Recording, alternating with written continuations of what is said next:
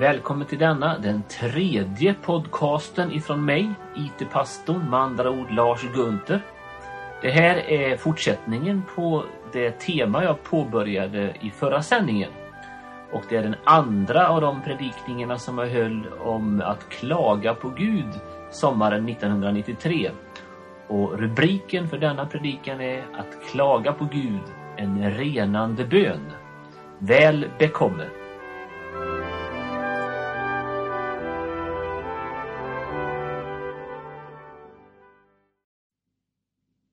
Klaga med ord, men bara orkar gråta. Eller man inte ens orkar gråta, utan bara ge Gud sin tystnad för att det är så svårt i den situation man befinner sig i. Och jag börjar svara på frågan, vad ska det här vara bra för egentligen? Vad är det för mening med det här? Och jag sa att den första välsignelsen i det här, det var att jag slipper vara duktig när jag ber.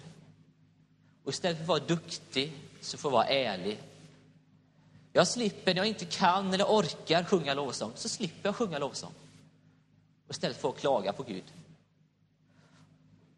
Jag får vara ärlig. Det innebär att jag inte behöver censurera mina böner, utan jag får utgjuta exakt det som ligger på mitt hjärta. Och allt det här, det hjälper mig att på något vis bli helhjärtad i min bön.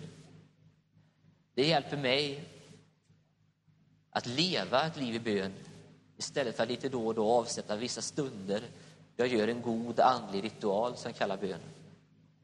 För att bön blir för mig hela tiden att utgjuta till Gud det jag har på hjärtat.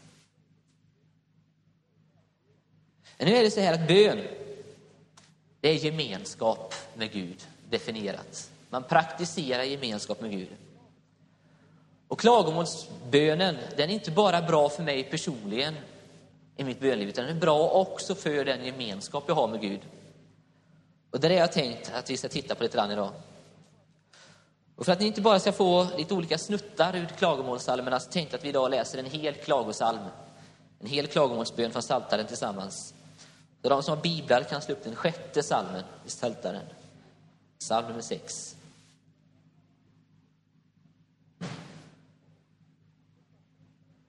För sångmästaren med strängaspel till seminit, en psalm av David.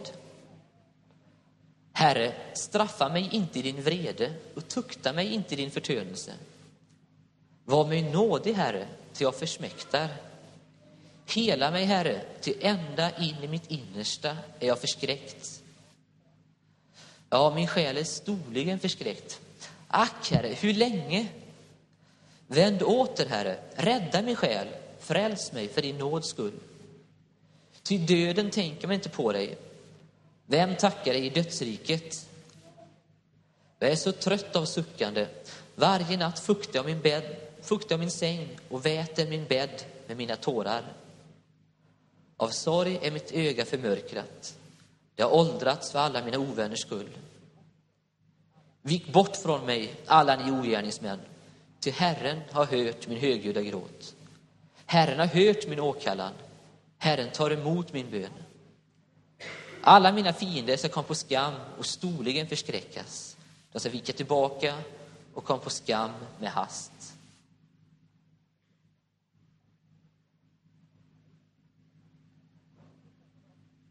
När vi bekänner våra synder, varför gör vi det? För vems skull bekänner vi synd? Alla ni som känner till liknelsen om den förlorade sonen från Lukas 15. Ni vet att han ber att få starv av fadern. Och när han gör det så förolämpar han fadern och det yttersta på den tiden. Vad han säger i början är att jag önskar att du vore död. Jag önskar att du vore död, det är vad han säger till sin far, förlorade sonen. Men han får sitt arv, han går iväg till ett annat land, han slösar bort alltihop. Och han slutar med det som för en jude på den tiden var den yttersta förnedringen. Han vaktar svin. Svin var orena för judarna. Och att vakta svin det var det lägst stående man överhuvudtaget kunde tänka sig. Och någonstans där borta så kommer han till insikt, står det. Och när han kommer till insikt så säger han så här för sig själv. Jag ska gå till min far och så ska jag säga till honom, far jag har syndat mot himlen och mot dig. Och så ber han sig iväg. Men fadern, han står och han står och spanar efter honom. Var är han någonstans? Och när han ser honom så kommer han honom till mötes och han springer fram och han omfamnar honom och han kysser honom. Och sonen får knappt ge sin välrepeterade syndabekännelse. Det är knappt fadern lyssnar på den. Någonstans på vägen så lyckas han stanna upp och säga, far jag har syndat mot himlen och mot dig. Ja, jag glömde det liksom nu. Nu är jag fest här va. Nu har du kommit tillbaks äntligen, du som var förlorad.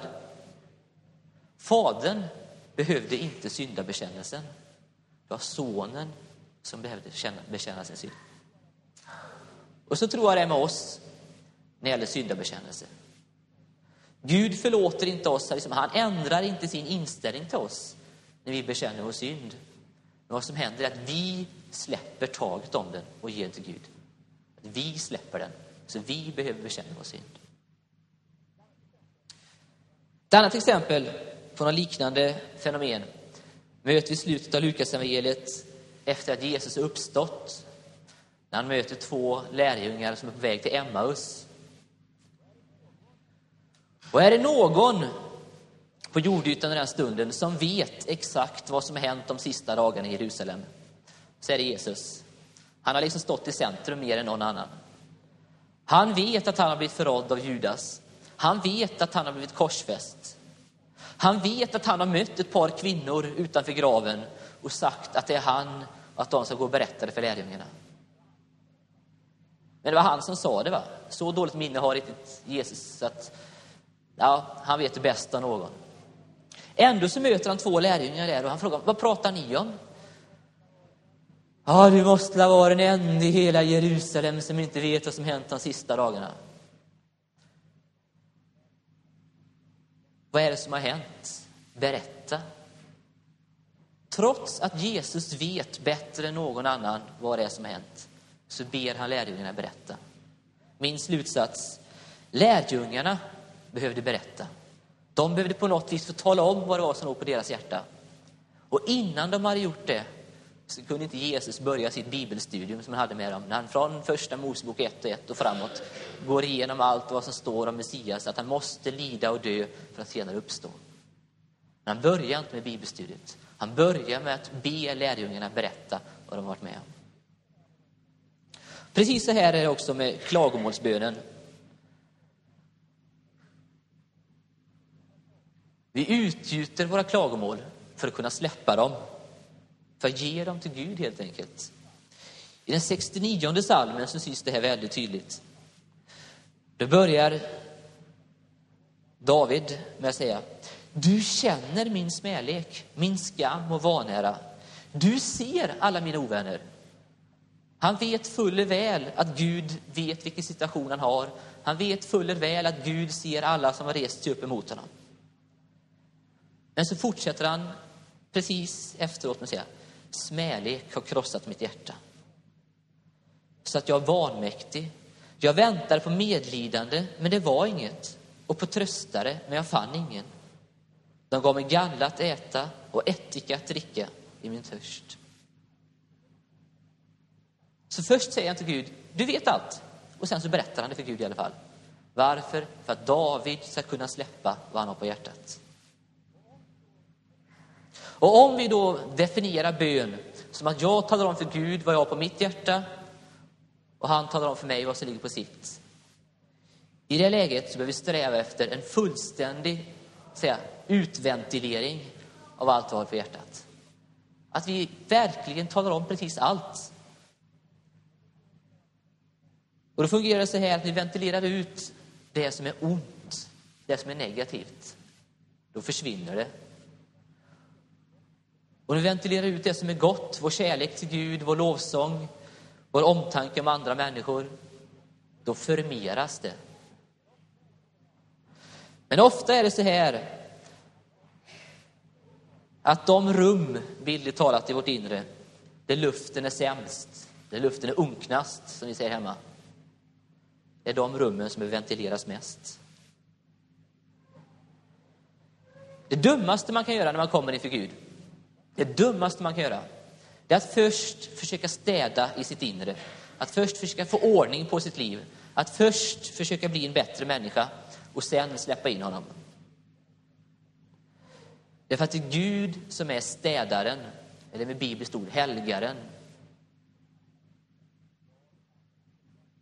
Jag, Herren, som helgar er, presenterar sig Gud som när han ger Guds folk sin lag, tredje Mosebok. Det är ungefär som vi tänker oss en gammal man som eh, har hemhjälp. Och så kommer hemhjälpen och knackar, knackar på dörren. Och hon har ju, för det är oftast en hon, har kommit dit för att städa och laga mat och allt det här som den här äldre personen inte längre orkar göra själv. Så knackar hon på dörren och så hör hon en röst där inne som säger Nej, du kan inte komma in för det är ostädat. Och hon ställer sig utanför och knackar en gång till och säger Men det är ju mitt jobb att städa. Nej, men jag skäms så mycket. Jag skäms för mycket. Du får inte komma in, det är alldeles ostädat. Men själv orkar han inte städa. Och in kommer aldrig hemhjälpen. Och får hon inte komma in och städa så blir det heller ingen tid till att dricka kaffe efteråt när hon får några minuter över och har lite gemenskap och kunna prata. Så är det med Gud. Vi släpper in honom precis när vi befinner oss i vår värsta situation. När vi har som mest skräp och bråte inombords. Och just där kan vi släppa allt det vi klagar på. Vi kan släppa vår synd. Och vi kan släppa också de funderingar och de tankar som håller på att gå runt omkring i vårt huvud så att vi knappt får tid att veta vad vi själva heter. Ibland när tankarna ansätter som helst.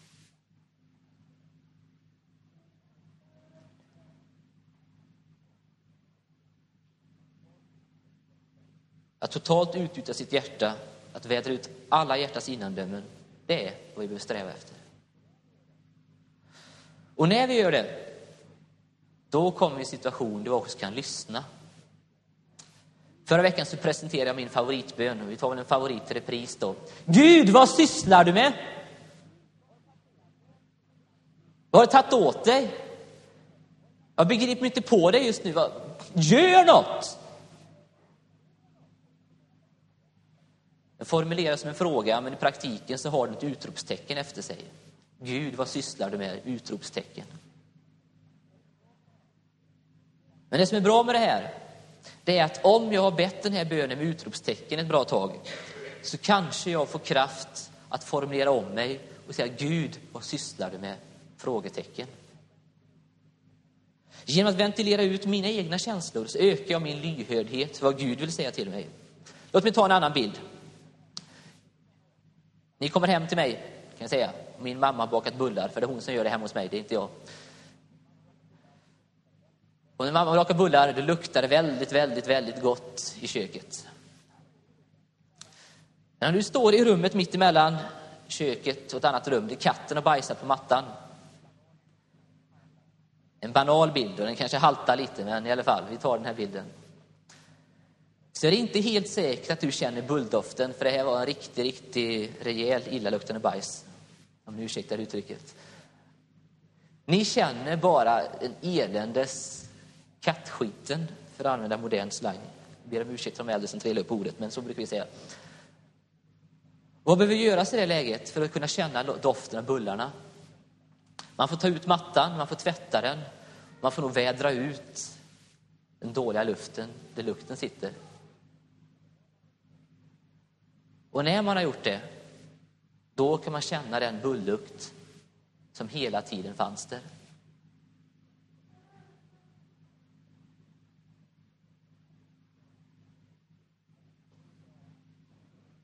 Nu är det så här att det är väldigt sällan Gud låter oss känna bullukt i bönen. Men någonting vill han som regel säga oss. Vad är det Gud kan tänka säga till den människa som lider och klagar, som ventilerar ut sina klagomål? Och helt självklart så är det här delvis samma saker som Gud kan tänka säga till en människa som ber utan att klaga.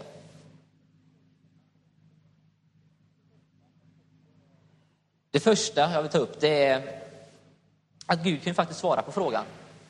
Jag frågar Gud vad han sysslar med och Gud kan tala om för mig vad det är han gör. Han kan förklara vilket sammanhang mitt lidande finns i. Han kan visa mig på vad det beror på. Och han kan också visa mig vad jag ska göra åt det.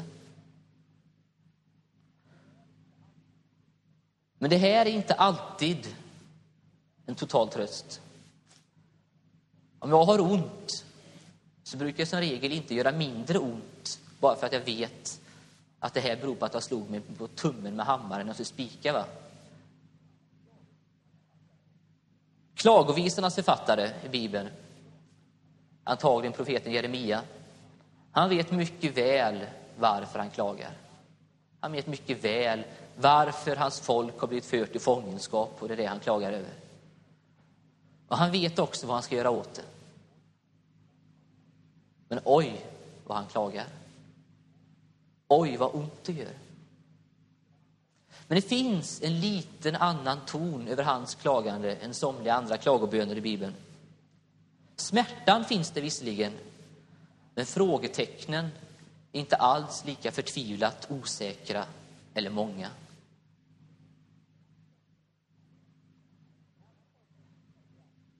En annan sak Gud kan säga till den som klagar Så vi måste inse att det är långt ifrån allt det han säger. Och det är att han kan ge oss en förmaning eller han kan tala om för oss att vi bär på någon synd. Nu ska vi veta att synd är långt ifrån svaret på allt lidande. Psalm 44, vers 18-25 gör klart för oss att här har vi en människa som klagar och har ont trots att han eller hon inte har syndat. Allt detta har kommit över oss och vi har dock inte glömt dig, ej heller svikit ditt förbund. Våra hjärtan avföll inte, våra steg vik ej av från din väg, så att du därför har krossat oss i schakalers land och övertäckt oss med dödsskugga. Om vi hade glömt vår Guds man och uträckt våra händer till en främmande Gud, må inte Gud skulle utrannsakat det, han som känner hjärtats hemligheter. Nej, för din skull blir vi dödande hela dagen, blir betraktade som slaktfår. Vakna upp! Varför sover du, Herre? Vakna, förkasta oss inte för alltid. Varför döljer du ditt ansikte och glömmer vårt lidande och trångmål? Och även om jag har syndat så innebär det inte att klagomålet är förbjudet. Psalm 38, vers 2 framåt. Herre, straffa mig inte i din förtönelse och tukta mig inte i din vrede. Till dina pilar har träffat mig och din hand drabbar mig. Det finns inget helt på min kropp för din vredes skull, inget friskt i mina ben för min synds skull. Till mina missgärningar går mig över huvudet, så som en svår börda är för mig, är det för mig tunga. Mina sår stinker och flyter för min dårskaps skull. Jag går krokig och mycket lutande, hela dagen går jag sörjande. Till mina höfter är fulla av brand och inget helt finns på min kropp.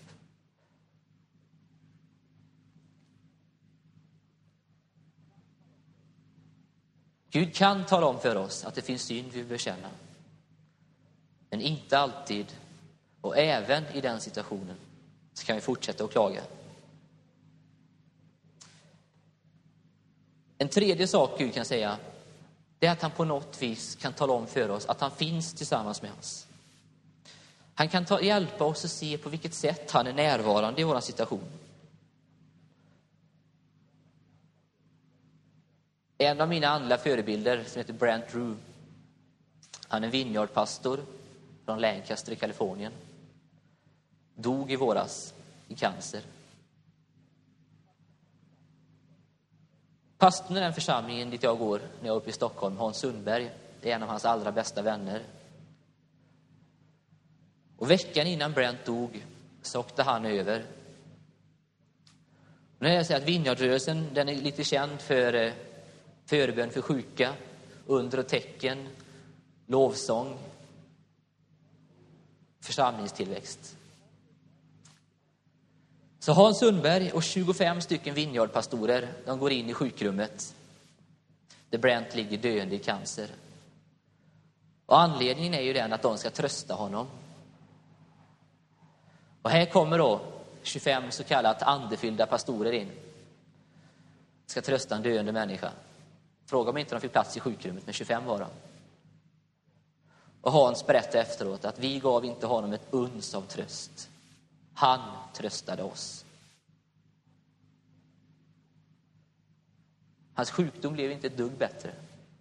Men det var ändå Brent som tröstade de som kom dit. För att Gud fanns med honom. Ett annat exempel. finns en nyzeeländsk förkunnare som heter Tom Marshall. Som för några år sedan blev enka, enkling. Han blev enkling. Och han hade fullt med människor omkring sig som skulle trösta honom. Och de gav honom bibelord och de gav honom eh, uppmuntrande saker som de sa till honom fram och tillbaks. Han sa att inget av det här tröstade mig egentligen. Men jag fick tröst över, det var en dag när jag var i bön. Och Gud talar med en tydlig röst. Eftersom han är nyzeeländare så sa han det på engelska. I know that it hurts like hell.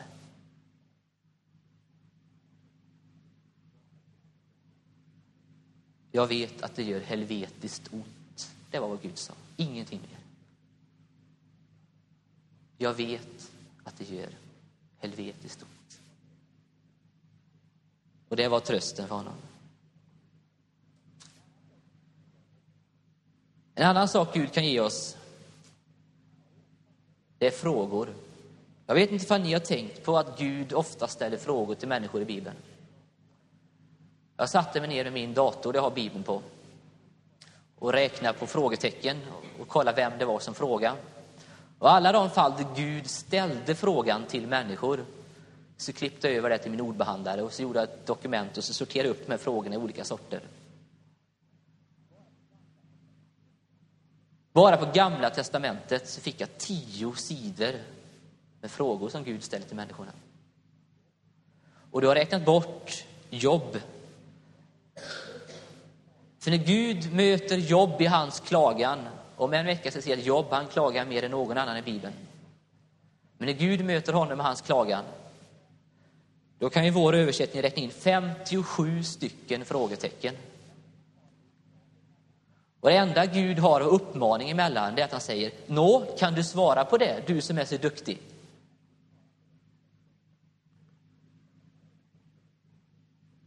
Femtiosju frågetecken. Och Jobban säger, jag kan inte svara på något. Inte någonting. Jag fattar inte ett dyft. Men han värdesatte sin upplevelse oerhört. Han värdesatte sin upplevelse enormt. Andra frågor är mer av arten, begriper du inte? Och så fäster Gud vår uppmärksamhet på någonting och får oss, ja just det, ja. Eller har du tänkt på att... Ja, just det.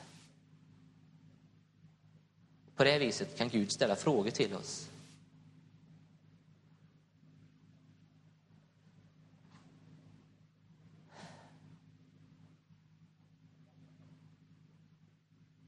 Nästa sak är jag nästan lite rädd för att säga, men eh,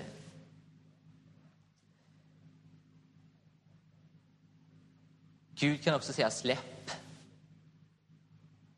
Det handlar om överlåtelse.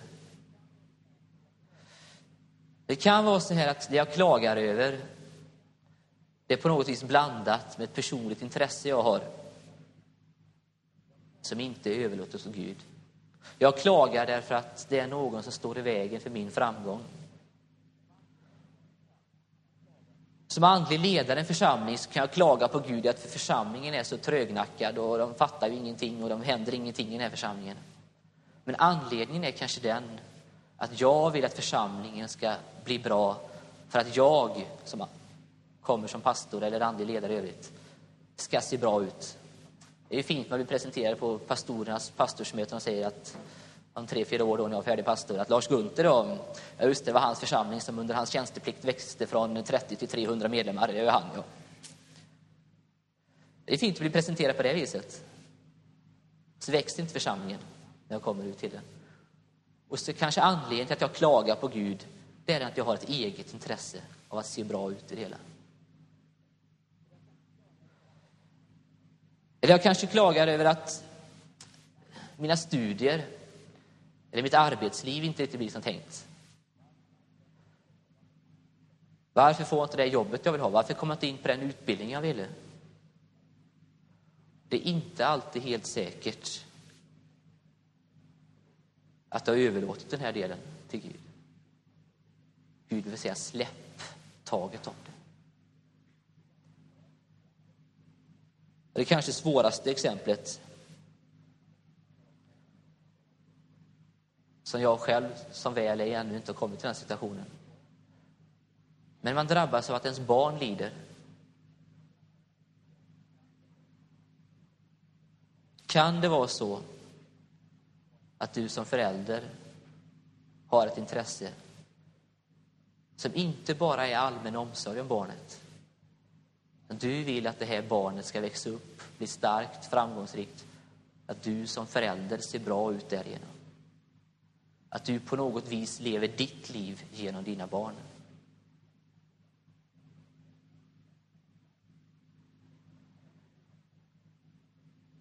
För en person som har släppt när Gud säger släpp, så kanske kampen fortfarande finns kvar. Men jag tror att de har förmåga att lösa mycket av den kramp som finns i bönen. Kampen kvarstår, men krampen släpper. Ett sista exempel på vad Gud kan säga, det är gå. Han kan ge sin uppmaning. Gör det här, gå ut och gör detta. Eller gå in och gör det, eller vad som helst. Vad händer i den situationen? Du har sagt till Gud, Gud vad sysslar du med? Och han säger gå. Jag får inget svar på min fråga. Jag vet inte vad Gud sysslar med. Men om jag lyder så märker jag att jag klarade mig utan svar. Jag behövde inte svaret, jag klarade mig utan. Jag behövde inte veta vad det var Gud sysslade med. Och vad har jag lärt mig då? Jo, jag har lärt mig att lita på honom. Jag vet inte vad det är för mening i det här. Men jag vet att Gud går att lita på. Och Det illustrerar det största värdet av alla i klagomålsbönen, liksom med all annan bön. Vad ska det vara bra för? Jo, det är bra för min relation till Gud. Att min relation till Gud blir praktiserad och fördjupad, det har ett egenvärde. Närmare bestämt så är det det största värdet med hela vår existens.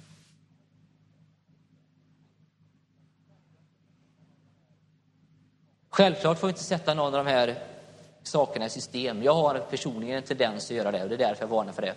Att när jag ber en slags bön i, eller i en viss situation så kan det gå ett tag och så är jag i samma situation lite senare. Och då förväntar jag mig att precis samma sak ska hända. Att Gud ska svara på samma sätt, att Gud ska tala på samma sätt. Och istället för att verkligen lyssna på Gud så springer jag på som om man hade sagt samma sak som förra gången. Och som regel så brukar jag spränga in i en dum vägg och gå ner mig ännu mer. Låt Guds tilltal verkligen vara tilltal från Gud och inte någon egen fabricerad imitation byggd på vad jag har för teologi eller tidigare erfarenhet.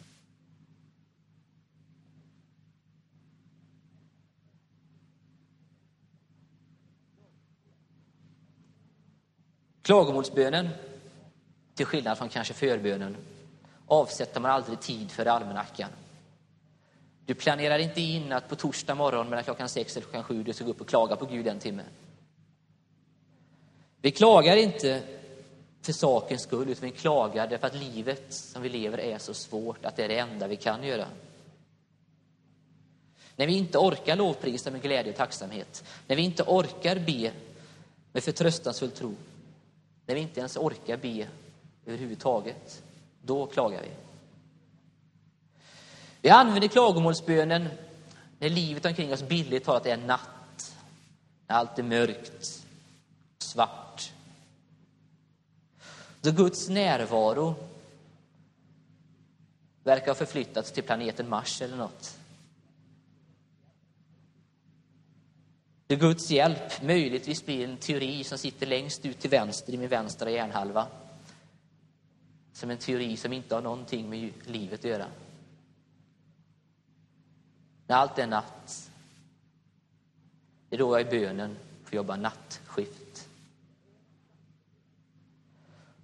Bönens nattskift innebär att man inte upplever Guds närvaro, men ändå praktiserar den. Bönens nattskift innebär att man inte upplever Guds närvaro, men ändå praktiserar den.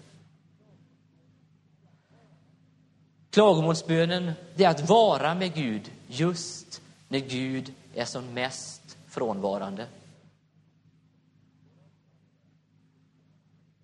Och någonstans där kan vi uppleva klagomålsbönens största välsignelse. Vi får se att han faktiskt aldrig lämnade oss.